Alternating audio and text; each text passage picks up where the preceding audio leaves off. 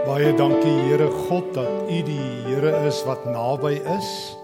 Dat dit ons lewenslied is dat U naby is, dat U hier is.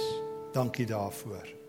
Here, U moet ons volgende asseblief kom help dat ons dit sal glo, dat ons dit sal hoor en dat ons dit sal ervaar, want as U nie die woord lewendig maak nie, dan uh, is ons almal in groot moeilikheid as u nie vanoggend die eregas en die gasheer rondom die woord en rondom ons saam eet is nie, dan is dit 'n mors van tyd.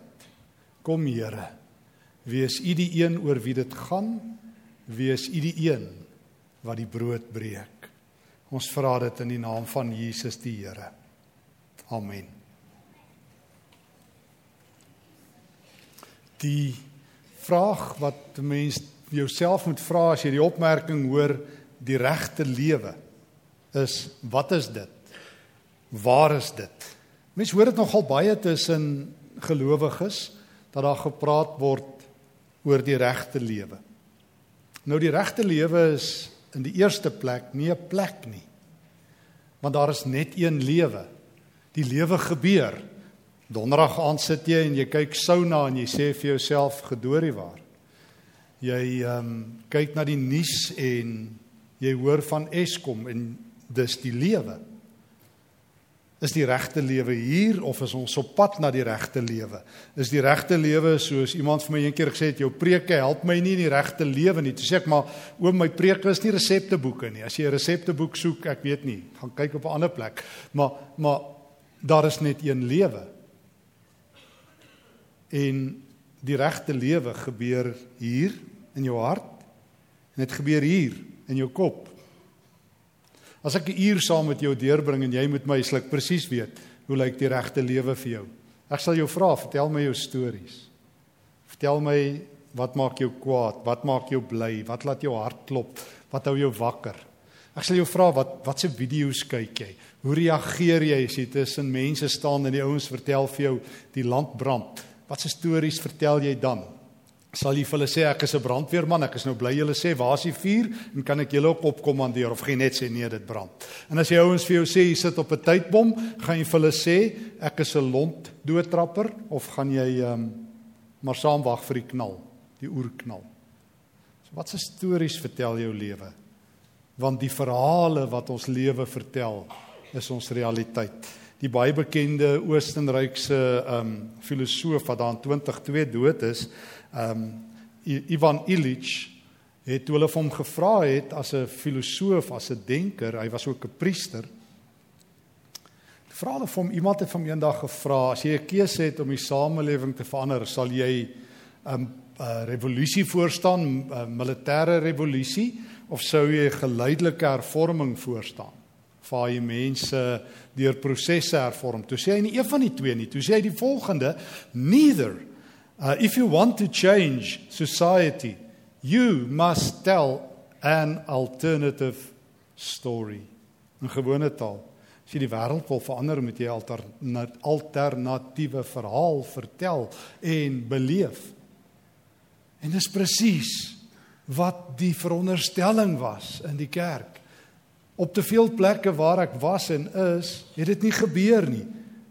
Het ek gehoor hierdie is maar 'n plek waar jy wapens bymekaar maak, arsenaal waar jy nou toegerus moet word as jy nou hier kom, 'n preek word gemeet aan hoeveel dit jou help daar maandag tot saterdag. Maar jy het nie 'n alternatiewe verhaal nie. Ek lees 'n bekende Amerikaanse skryfster en ek wil dit so 'n stukkie in Engels aanhaal. Ek doen dit nie gewoonlik nie, maar hierdie het myself so diep geraak toe ek dit lees onlangs. uh, Lauren Winner wat skryf, sy sê if you live in response to Jesus. Met ander woorde, as jy die verhaal van Jesus joune gemaak het en jy die heeltyd in um, in respons daarop lewe, the world will look different to you than it looks uh, to your neighbors who instead of attending to Jesus pass their days in attention to the stock market, the newspapers, the devil. Jou wêreld gaan anders te lyk as die mense wie se narratiewe geskrywe word en hier in hulle harte en hulle koppe bepaal word deur ander informante If you live in response to Jesus, you will look out of your window and see a world created by God. As jy egter deur die oë van jou eie oë kyk en ander kyk, gaan jy 'n wêreld sien wat in gemors is. Christene kyk anderster. Your world will be determined by the crucified one, Christ. Because you see the world with an attitude, with an eye attuned to Jesus, you will organize your life differently than your neighbor whose eye is attuned to the stock market, to the world. So die vraag, wat is die narratief van jou lewe? Is dit Jesus? Of soos ek altyd vir myself sê en al 'n paar keer hierop gesê het omdat ek dit moet hoor sodat ek dit ook glo. As Jesus, ja baie mense, nie alle kerkmense sê Jesus. Maar dis een ding of Jesus die aanvullende storie in jou lewe is of die alternatiewe narratief. Kyk jy na sauna na wat mense sê na hoe jy maandag tot sonderdag lewe deur die verhaal van Jesus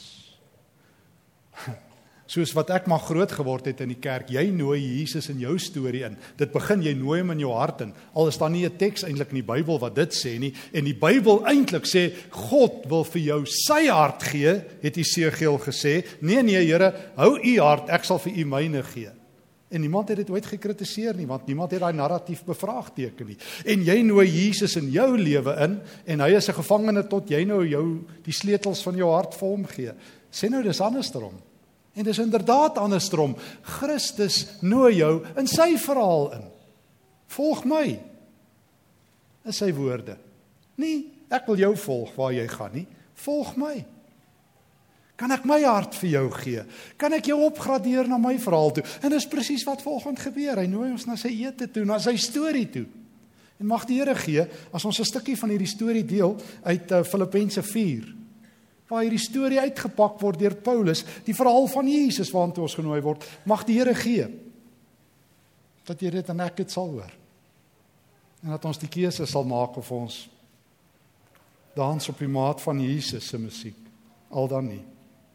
Filippense 4 vers 4 tot 7. Dis 'n aangrypende teks.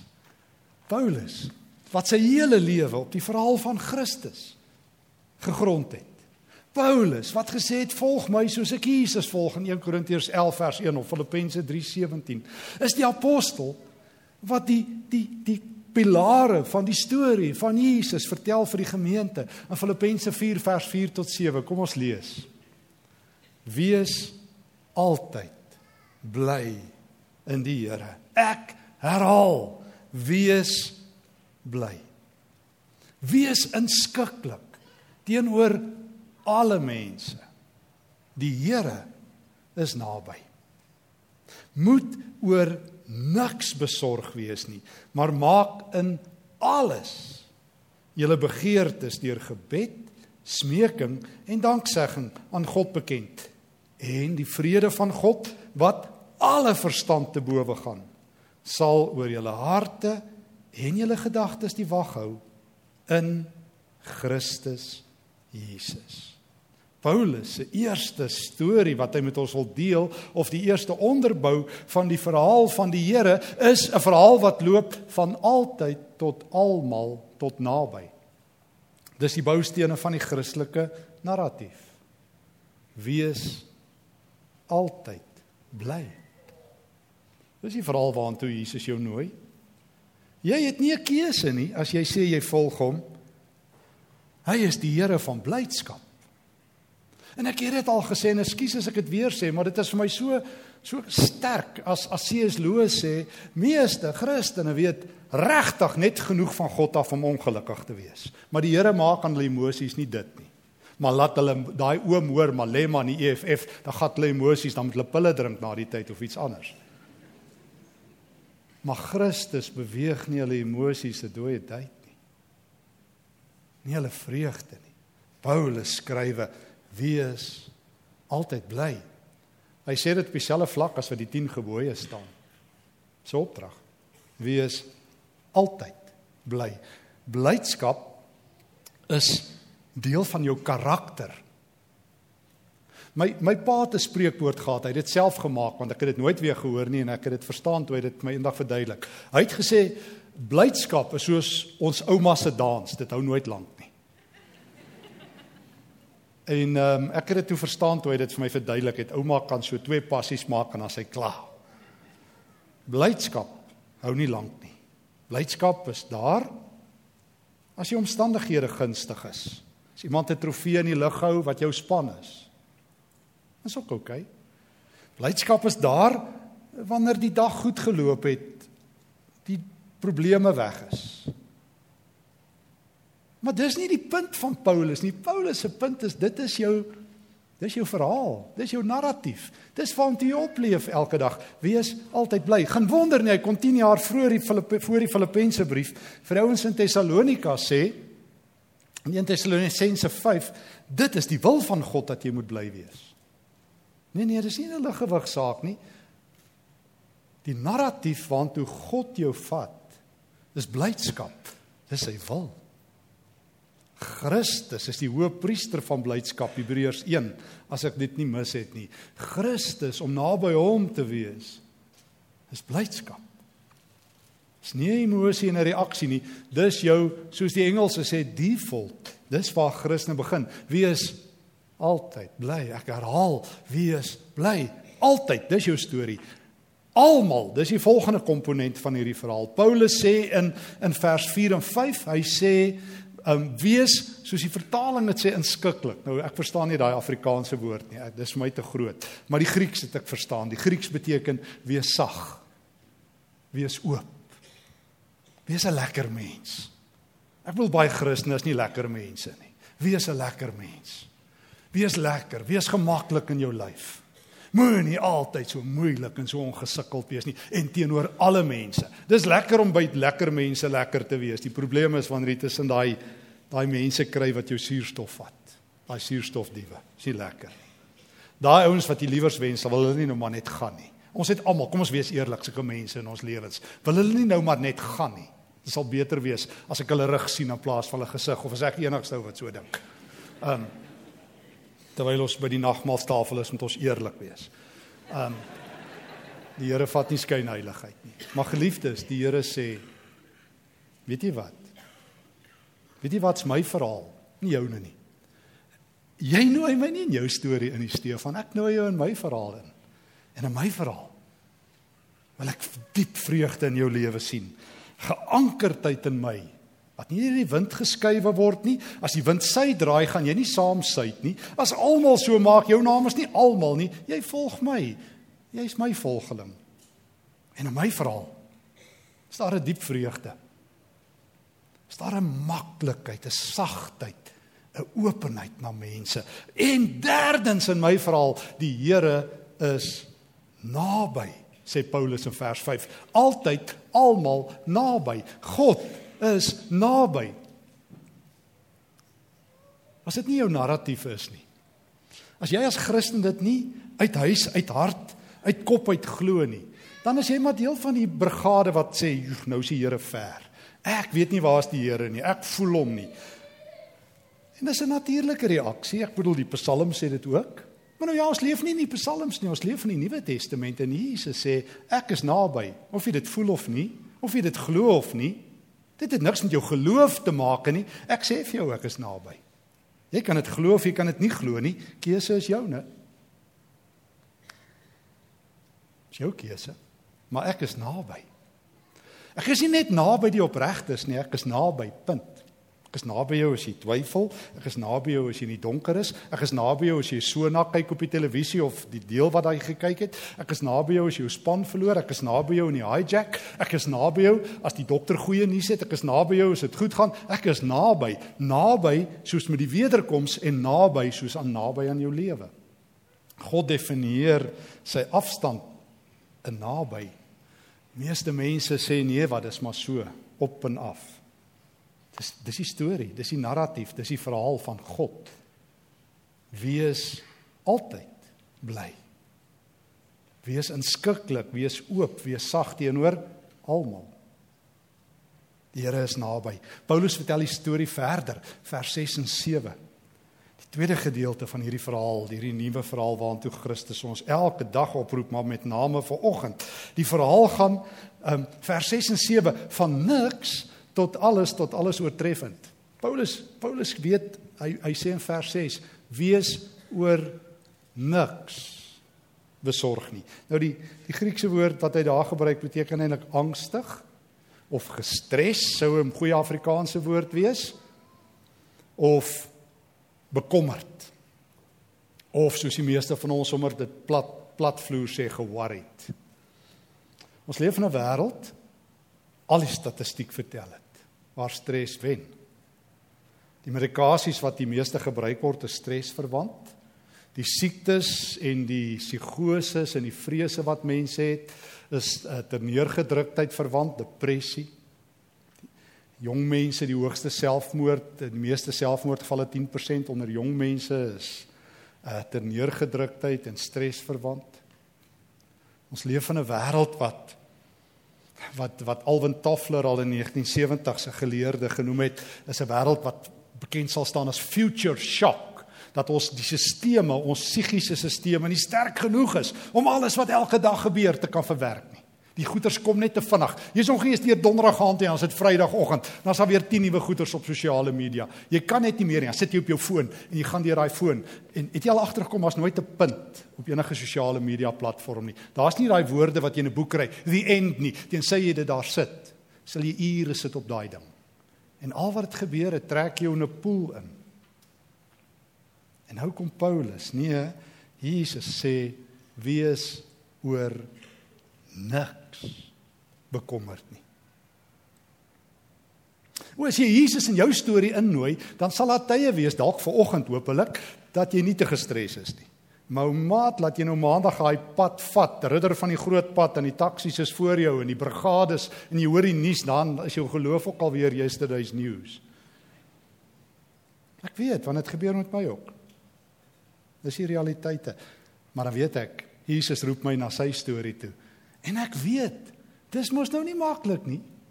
Ek ek het al vertel 'n ou het vir my eendag sê, dit was my nogal humoristies na die tyd. Hy sê vir my, dis nou maklik vir jou om te sê. Ek sê ja, dit is. Ek sal dit weer sê, so maklik. Maar dit kos my 'n leeftyd om dit te glo. En dit kos my 'n stryd.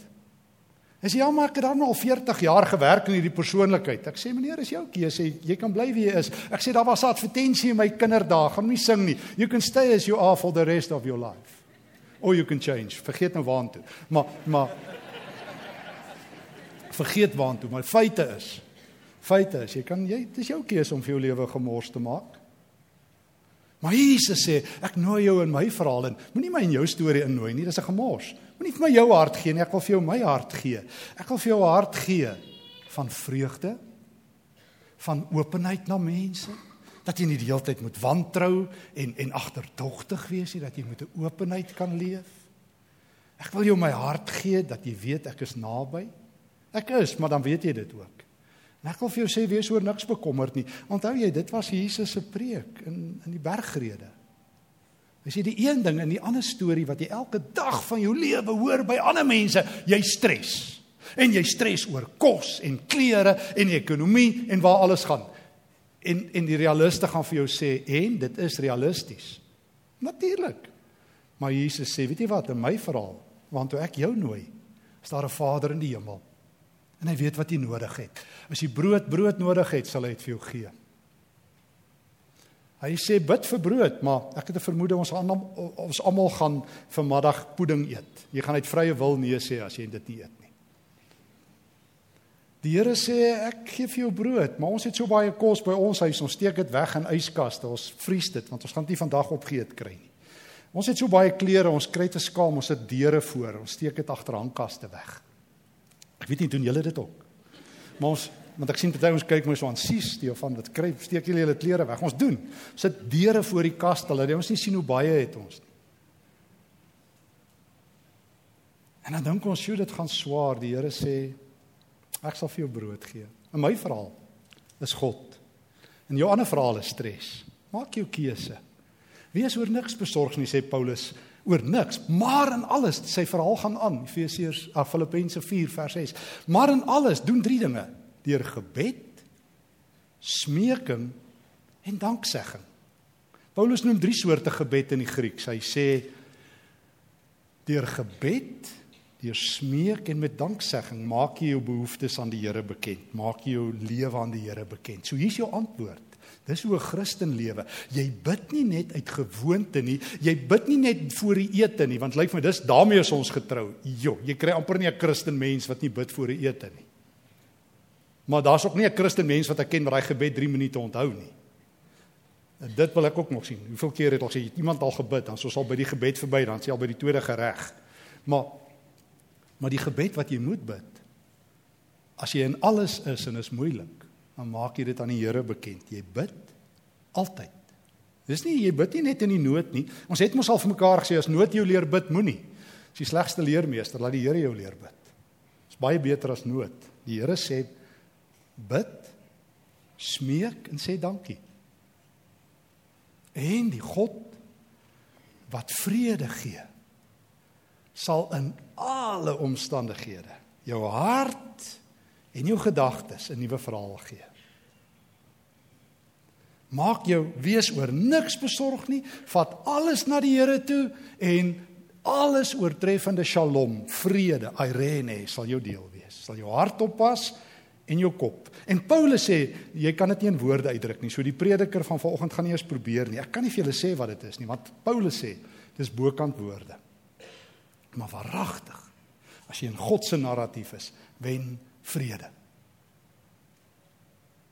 Ek het vertel by die eerste diens van 'n dierbare oom wat 'n ruk gelede oorlede is wat ek pad mee geloop het. Hy sê vir my, "Help my net dat ek een keer in my lewe vrede kan hê." Ek sê oom glo in die Here. Hy sê ek glo. Ek sê oom vergewe my as ek dit vra. Hoe het jy jou hele lewe deur die kerk gegaan in God geglo, maar nie vrede nie? Ek sê oom dis 'n kontradiksie. Dit kan nie wees nie. Wat 'n soort godsdiens het jy gehad? Was dit daai godsdiens waar jy Jesus in jou lewe innooi en dan kyk jy maar hoe ver jy gaan, maar dit die manne met die kanne in die hande soos ek aldag sê, hulle het 'n groter invloed op jou kop en die sosiale media en die koerant en die sauna en ek weet nie wat nie. Oom, wie se verhaal het in jou lewe gewen? Ek sê ouma, ek het goeie nuus. Jy het nog jy het nog tyd oor. Maak dit anderster. Skryf 'n nuwe verhaal. Nooi vir Jesus 2 Korintiërs 3. Hy het 'n baie goeie pen, dis gedoop in die kruis. 'n Goeie skrywer, die Heilige Gees, laat hy van jou 'n brief maak. 'n Brief waar daar vrede is, 'n vrede van die hart. Onrealisties sê jy. Paulus sit in die tronk as hy dit skryf. Hang 'n doodsvonnis oor hom en ons is amper seker dat hy so 2 jaar nadat hy hierdie brief geskryf het, vermoor is. Nee nee, hy het nie goeie omstandighede nodig nie. Dis die Here in sy lewe, dis die narratief, die verhaal van Christus wat in sy lewe gewen het. Dis 'n verhaal wat gewen het wat ehm um, wat vir Paulus 'n paar baie belangrike dinge geleer het. Altyd bly. En hy het dit geglo en in daai verhaal gaan leef. Tussen almal omgee om te weet die Here is altyd naby. Om oor niks bekommerd te wees nie. Nie jou lewe in angs deur te bring nie, maar om in alles na die Here toe te gaan. En om 'n alles oortreffende vrede te hê. Daarom het hy getroos gelewe en gesterwe. Dis nagmaal. Dis die ete van die Here. Dis die ete wat Jesus gebring het wat alle ander etes vervang het. Vir 3000 jaar het die Jode Pasga gehou. Dit vertel van 'n uittog uit Egipte. En een aand in Jerusalem, die donderdag aand voordat Jesus gekruisig is, het hy gesê ek gaan 'n nuwe ete begin waarvan ek die eregas en die gasheer is. Dis 'n ete waar ek die brood gaan breek en dis 'n ete wat oor my gaan. Dis 'n ete wat jou uitnooi in 'n nuwe verhaal in. En nou kom Jesus vanoggend en hy nooi ons almal in 2020 En ek is seker jy het al 'n paar keer saam geëet want Jesus wil hê hierdie ete moet herhaal. Maar as jou eie storie nie lekker is nie, kom eet saam. Maar kom eet saam met Jesus. As jou lewe de mekaar is vanoggend, jy voel dat jy het jy is uit van die stres, kom eet saam met Jesus. Maar maak jou oë oop, hy's hier. Die Here is naby. Daarom wil ek almal nooi om saam te kom eet wat saam met Christus wil eet. En ek wil graag nooi uh, die ouens wat help om met die die brood en die wyn en die uh, druiwesap uit te deel as julle asseblief na vore sal kom. Ons gaan die brood en die wyn uitdeel. Julle is welkom om slank te kom. En ehm um, dan gaan ons wag. Ons gaan almal saam die brood nie wyn nou, want ons wil saam met Jesus dit instel en saam met hom eet. Kom ons raak stil.